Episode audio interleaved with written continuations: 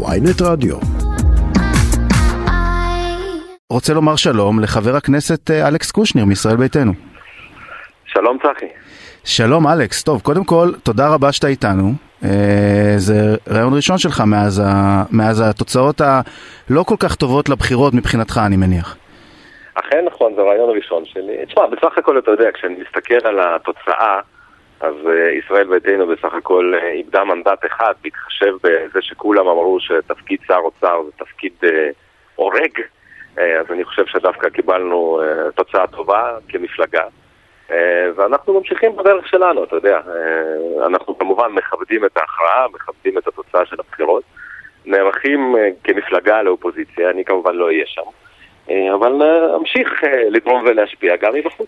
אז עד כמה אתה מאוכזב אבל באופן אישית מזה שאתה באמת בחוץ? היית מקום שביעי נכון ונכנסו שישה חברי כנסת.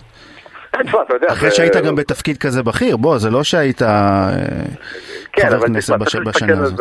צריך להסתכל על זה גם בפרופורציה. אני בעצם מאז הסבב הבחירות הראשון אני במקום שבע, אנחנו מפלגה מאוד מאוד יציבה, אנחנו סיעה מאוד מגובשת, עבדנו ביחד, ממשיכים לעבוד ביחד. אה, בסוף הציבור החליט את מה שהוא החליט, אני צריך לכבד את זה ולהמשיך הלאה, אתה יודע, לא נולדתי חבר כנסת ואני גם לא אמות חבר כנסת. אתה חושב שהיית צריך להיות במקום יותר גבוה אצלכם? לא, אני חושב שקיבלנו החלטה נכונה, החלטה אה, משותפת. אנחנו רצינו לגוון את הרשימה, רצינו בעצם לממש את האג'נדה שלנו שמדברת על שוויון מגדרי, ולכן אה, הכנסנו במקום רביעי את תת-אלוף במילואים שרון ניר. אני חושב שזה מהלך מאוד מאוד נכון, במיוחד כשאתה מסתכל היום על הקואליציה שיש בה, אה, אם אני לא טועה, רק תשע נשים, ושאלה כמה שרות יהיו בממשלה, אז אני חושב שאנחנו דווקא מובילים קו נכון מאוד שמדבר על שוויון מגדרי ושוויון הזדמנויות. אז אתה יודע, זה לא עניין אישי כזה או אחר. בסופו של דבר, אתה יודע, אה, פוליטיקה זה מרתון וזה דרך מאוד מאוד ארוכה, ואם אתה מאמין בדרך, אז אתה הולך בה גם כשיש מהמורות כאלה ומכות קלות בכנף. אז תראה, אז uh, קודם כל תכף נדבר באמת על הקואליציה שתהיה, אבל uh, אמרת קודם שלא uh, היה שר אוצר, אביגדור ליברמן במפלגה שלכם, באמת לא, לא נפלתם במנדטים, גם זה לא הוסיף לכם כמובן, אבל בעצם כל מי שאתם רצתם לחלוטין על מבחינה כלכלית, על הטיקט של כלכלה חופשית. זה מה שניסיתם גם לומר במשך, במשך כל הקדנציה שלכם. והיו לא, עוד לא, כאלה שניסו לרוץ, לרוץ על, ה, על הטיקט הזה, אה, אה, אביר קארה, איילת שקד, הם נכשלו די uh, משמעותית, ובוא נגיד ככה, מי שניצח את הבחירות האלה, הוא זה שסיפק הבטחות לבוחרים שהם בדיוק ההפך מזה. כן, תשמע, בסופו של דבר אנחנו אז פנינו לאביר קארה ולא פעם ולא פעמיים, רק שלקראת הישורת האחרונה היה ברור שהוא לא קרוב אפילו לאחוז החסימה, אם באמת כלכלה חופשית והאג'נדה הזאת הייתה חשובה לו באמת, אז אני הייתי מצפה ממנו פשוט לפרוש ו... אה, מה שנקרא, לעודד את התומכים שלו להצביע לנו, ואז באמת זה יכול לתת לנו כוח. אבל אתה יודע, בסופו של דבר אתה שומע את, אה, את נתניהו ואת דרעי אה, מבטיחים כל מיני הבטחות פופוליסטיות למיניהם, שבסוף הציבור אולי לא מבין עד הסוף, שכל הבטחה כזו היא בעצם פוגעת בכיס, בכיס של הציבור הרחב. גם uh, הסיפור של, ה, uh, של uh, מימון מוסדות ללא לימודי ליבה, זה עשרות, זה, זה לא עשרות, אבל זה מיליארדי שקלים. Uh, וגם uh, הנושא הזה של uh, חינוך חובה מגיל, uh, חינוך חינם. חינוך חינם, כן. כן, שזה אומר שבעצם, אתה יודע, כשאתה מסתכל על הדמוגרפיה ואתה רואה משפחות חילוניות עם שניים וחצי, שלושה ילדים, ומשפחות uh, חרדיות עם שבעה ילדים, אז אתה מבין שבעצם כל משפחה חילונית שתומכת בתוכנית כזו אומרת במילים אחרות, בואו קחו ממני כסף, אני רוצה לממן אה, עוד ילדים. אז ברור שזה הבטחות פופוליסטיות, אגב זה לא חדש, תסתכל אה, על הכלכלה שקיבלנו אה, מנתניהו בירושה, ראית, עזוב רגע את הגירעון שאחרי הקורונה, זה ברור.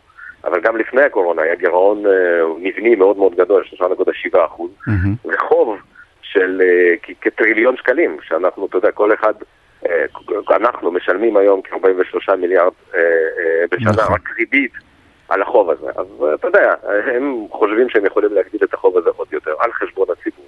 אנחנו כמובן מתנגדים לתפיסה הזו. ולכן פעלנו בקדנציה הזו גם לפתוח את השוק לתחרות, גם להוריד מכסים. ובסך הכל, אתה יודע, אם אתה מסתכל על העולם, ואתה רואה את הצונאמי האינפלציוני שקורה בגלל המלחמה באוקראינה ובגלל אפקט פוסט-קורונה, אז מדינת ישראל דווקא שורדת לא רע עם אה, פחות מחמישה אחוז אינפלציה, וזה בזכות המדיניות שהובלנו, ששר האוצר הוביל, ואני כמובן אה, יישמתי את זה הלכה למעשה בכנסת. אז זהו, אז לפני שבאמת אני אשאל אותך לגבי הדברים שיישמת כיושב ראש ועדת כספים ומה אתה מצפה באמת מהיושב ראש החדש, אני אשאל רק עוד שאלה פוליטית קטנה באמת למה שהתייחסת. אתה חושב אבל ש... הכוח שלכם באמת היה יכול להיות יותר גדול אם אביר קארה היה פורש, אבל גם אם הייתם עושים איזשהו הסכם עודפים עם אחת המפלגות. תשמע, אתה יודע, אני הפכתי להיות מומחה לנושא הזה של באדר עופר עוד מהקדנציה הקודמת, ואני ממש סימולציה באקסל, וזה שלא חתמנו הסכם עודפים בעצם נתן לנו את המנדט הנוסף, אם היינו חותמים הסכם עודפים היינו מאבדים את המנדט הזה ליהדות התורה, הפער היה של 900, 900 ומשהו קולות. ככה שבדיוק ההפך, עשינו מהלך מאוד מאוד נכון שלא חתמנו, וזה נתן לנו את המנדט, וגם לא נתן מנדט נוסף לממשלה.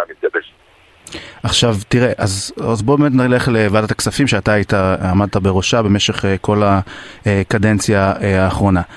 אתה תסיים את תפקידך ומי שכנראה יחזור, אני, אנחנו יודעים, שום דבר עוד לא בטוח, לוועדת הכספים זה חבר הכנסת משה גפני. אחד הדברים הראשונים שהם יעשו שם, אני מניח, זה ביטול מס הסוכר והחד פעמי שאתם העברתם בוועדת כספים, זה הדיונים היו בנושא הזה במהלך הקדנציה הזאת. אתה חושב שהעבודה הזאת שנעשתה, הרי באמת היו הרבה דיונים, גם בנושא של מס הסוכר, זה בעצם ייזרק לפח כל הנושא הזה? כנראה שכן, וזה שוב פעם מצביע על חשיבה פופוליסטית וחוסר יכולת לקבל החלטות לא פופולריות על ידי הממשלה המתגבשת. בסופו של דבר, אתה יודע, אתה רואה שמדינת ישראל מובילה את העולם בתחלואה בסכרת. אתה רואה שכל המחקרים אומרים שדווקא השתייה הממותקת היא אחד הגורמים המשמעותיים לזה. וכתוצאה מכך שהעלינו את המס, אז הצריכה ירדה, הצריכה של המשקאות האלה ירדה ב-30 אחוזים. אותו דבר גם לגבי חד פעמי, אנחנו היינו המובילים בעולם בשימוש בכלי פלסטיק חד פעמי. הורדנו את הצריכה בחצי שנה ב-30 אחוזים. ולכן אלה מהלכים מאוד מאוד נכונים, שלא נועדו לפגוע בציבור כזה או אחר, אלא כדי, אתה יודע, בסופו של דבר אנחנו רוצים שכל הציבור... הם פגעו בחברות המשקאות שעכשיו בטח מאוד שמחות מה... כן, זה ברור, אבל תשמע, מה שהוביל אותנו, מה שהוביל אותי, זה לא קבוצת אינטרס או לובי כזה או אחר, אלא תשעה מיליון אזרחי ישראל שבסופו של דבר רוצים לחיות בסביבה נקייה יותר, להיות בריאים יותר, ואתה יודע, גם העלאה של המס על המשקאות הממותקים, תראה, בנינו את זה ככה שמי שבאמת מרגיש את זה זה מי שקונה שישיות של קולה ופנטה בסופרים, בסופו של דבר מגיע הביתה, שם את זה על, על השיש, והילדים שותים את זה בלי סוף. אם אתה קונה פחית אחת, אז הפער היה שם, אם אני לא טועה, 10 אגורות, לכן זה לא כזה משמעותי. תראה, אני אגיד לך מה... אבל למי שמפריז בצריכה, שם זה משמעותי וזאת הייתה המטרה שלנו, פשוט להפחית את זה, כי בסופו של דבר... אתה רוצה או לא רוצה, זה גורם להשמנה במיוחד בקרב הילדים, ובסופו של דבר גם לתחלואה קשה. זהו, אז תראה, בסופו של דבר זה נכון, וגם הסיפור הזה גם מכניס למדינה, אבל לא מעט. ההכנסות הצפויות, אגב, זה נתונים ש, שיש לנו מהאוצר אה, לגבי שנת 2022, המס אה, על משקאות ממותקים יכניס למדינה 780 מיליון שקל. הכלים חד פעמיים 250 מיליון שקל, שזה, אם מבטלים את זה, כמו שאמרת קודם, זה כסף שהולך, ובעצם הוא, צריך, הוא לא יהיה בשביל דברים אחרים. סלח לי, זאת הייתה הערכה לפני שראינו את הירידה בצריכה. ברגע שהצריכה יורדת, גם כמובן תקבולי המס יורדים, והמטרה שלנו לא הייתה אה, אה, להשאיר את קופת המדינה, אלא באמת להכווין את התנהגות הציבור ולשמור על איכות הסביבה ועל הבריאות. עכשיו, בנוגע למיסים, תראה, ממשלות של נתניהו במשך הרבה מאוד שנים העלו מיסים, אני מזכיר לך, רק אתה זוכר, היה מס בצורת הזוי לחלוטין שבשנת 2012 או 2013, אם אני לא טועה, ושתי פעימות מע"מ שעלו, הייתה שנה, אם אני לא טועה, 2013, שנתניהו העלה את המיסים ב-14 מיליארד שקל. אז אנחנו העלינו את המיסים רק באמת בשתי, בשתי הפעימות האלה, ועוד פעם, לא כדי להשאיר את קופת המדינה, אלא כדי. כדי להכווין את ההתנהגות הצרכנית. אבל מעבר לזה, הורדנו המון מיסים. אביגדור ליברמן הוריד אה, מכסים על עשרות אלפי מוצרים וחומרי גלם. טוב, גם זה... כדי זה, להגדיל את יוקר המחיה, וגם כדי לפתוח את השוק לתחרות. תראה, מכסים אפשר להתווכח, אה, אולי באמת בטווח הארוך הם יורידו את המחיר, בינתיים זה עוד לא בכלל קורה, זה, זה קודם כל טוב ליבואנים, לאו לא, לא דווקא לצרכנים באופן מיידי. גם תראה, היה אפשר לעשות בעצם, אנחנו אומרים 780 מיליון שקל להכנסות ממשקאות ממותקים, היו יכולים לעשות עם זה משהו שח... לבריאות הציבור, זאת אומרת לא להכניס את זה, אלא להגיד, אוקיי, זה צבוע לפרויקטים שהם אה, אה, נועדו אה, לסבסד מוצרים בריאים או משהו כזה. אז זה בדיוק מה שעשינו, זה בדיוק מה שעשינו. אם אתה ראית, נגיד, את הקמפיין של משרד הבריאות בטלוויזיה, שהתחיל לא מזמן, על עידוד שתיית מים, מים רגילים, זה בדיוק הכסף שאני בוועדת כספים דרשתי שחלק מהכסף ילך בדיוק... כן, חלק הלך, נכון. ומשרד הבריאות קיבל את זה. אותו דבר, אגב, גם לגבי שתייה, לגבי כלים חד פעמיים. חלק מהכסף הלך כדי לממן מדיחי כלים בכל מיני מוסדות ציבוריים ומוסדות חינוך. אז דווקא עשינו את זה. זו, זו פעולה שכן נעשתה, אבל שוב, אתה יודע, זה נכון שהורדת המכסים לא משפיעה באופן מיידי. Mm-hmm. אבל אם אתה עושה יחד עם זה את התהליכים שהתחלנו לעשות, כמו הרפורמה ביבוא, כמו הרפורמה בחקלאות, שפותחת את השוק לתחרות, אז בעצם אתה יכול להרגיש את זה. זאת אומרת, אבל, אז זה אומר אז שאנחנו לא נרגיש את זה, כי הכל, סליחה שאני קוטע אותך, פשוט, אז זה אומר שאנחנו לא נרגיש את זה, כי הדברים האלה לא יגיעו לשלב המימוש, זה מה שאתם עשיתם, זה אחלה, השאלה מה יקרה עכשיו.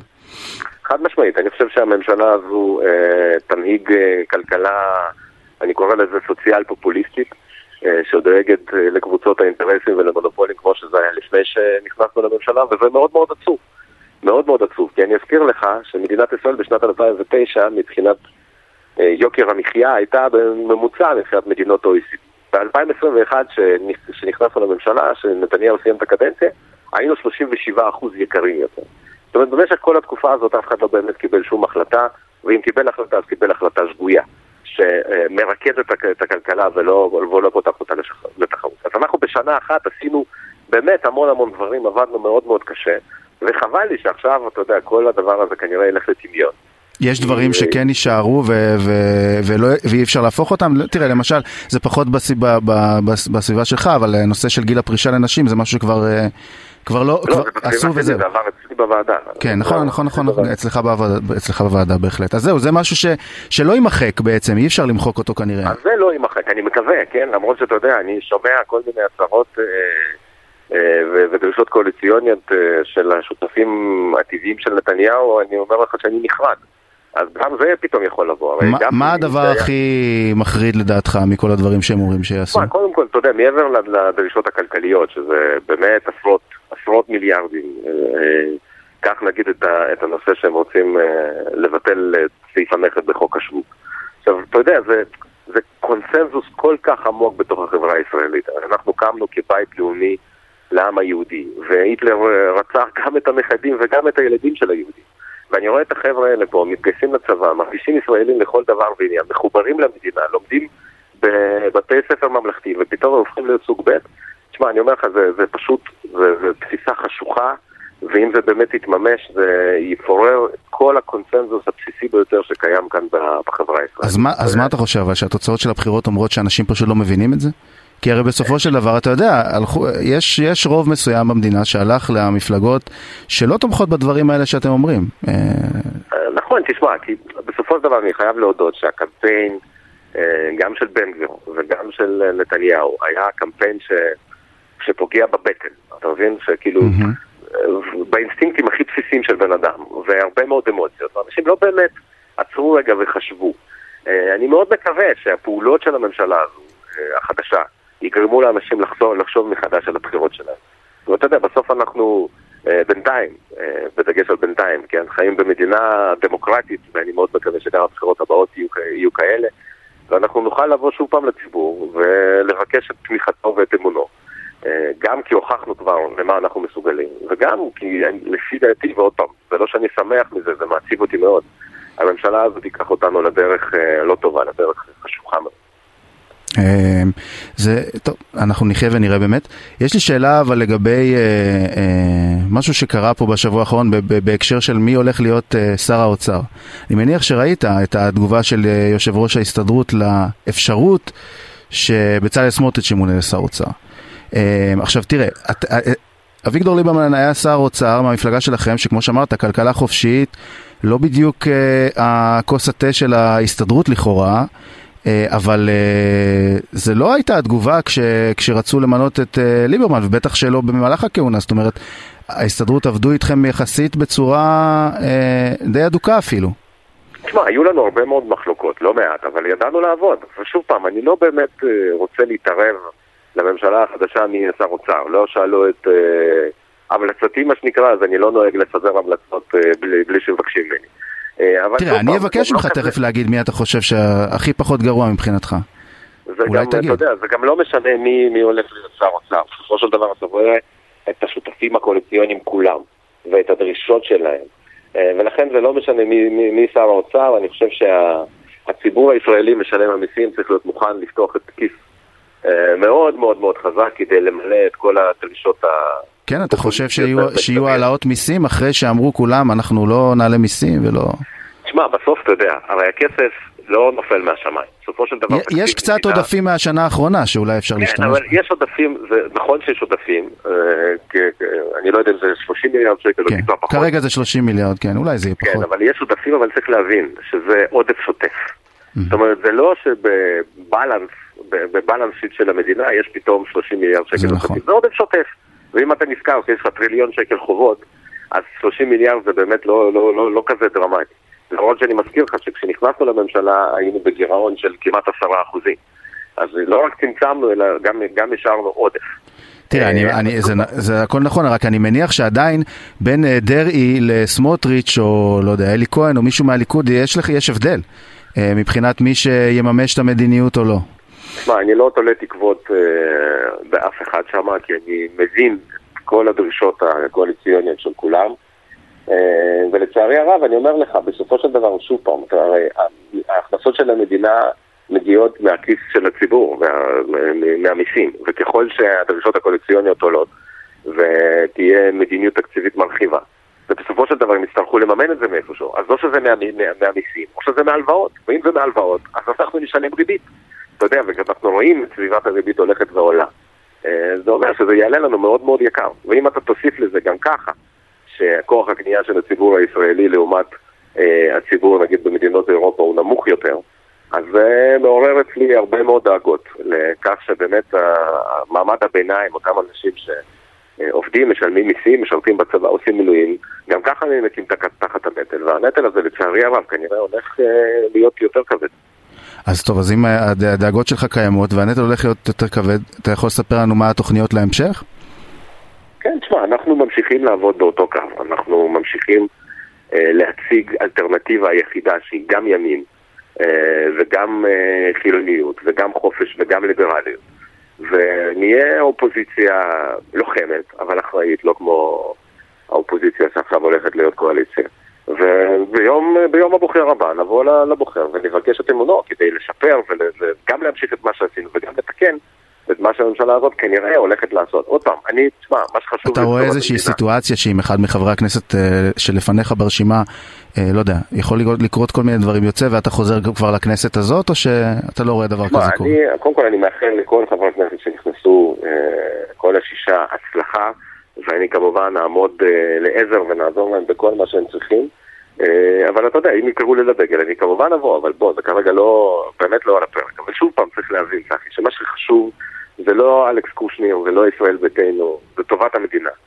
אה, ואני מאוד מקווה שאני טועה בכל מה שאני אומר, והממשלה הזו תעשה דברים טובים, אבל כנראה שזה לא יקרה. אלכס קושניר, אה, יושב ראש ועדת הכספים, אה, עדיין יושב ראש ועדת הכספים, כן. ושאני מניח שתעשה חפיפה מסודרת עם מחליפך. תשמע, אני אגיד לך, כשנכנסתי לתפקיד גפני עשה לי חפיפה שארכה אפס דקות ואפס שניות. ואני גם מנצל את השידור שלך ואומר לו שאם הוא צריך אותי, אז אני אשמח לבוא ולשבת איתו, ומה שנקרא להעביר לו את המקל. טוב, נקווה שגם הוא יבוא לדבר איתנו ובאמת נשאל אותו את השאלות האלה גם כן. אה, אלכס קושניר, אה, יושב ראש ועדת הכספים וחבר הכנסת מישראל ביתנו, נכון לעכשיו, תודה רבה לך. תודה רבה לך על השיחה הזאת. תודה. להתראות.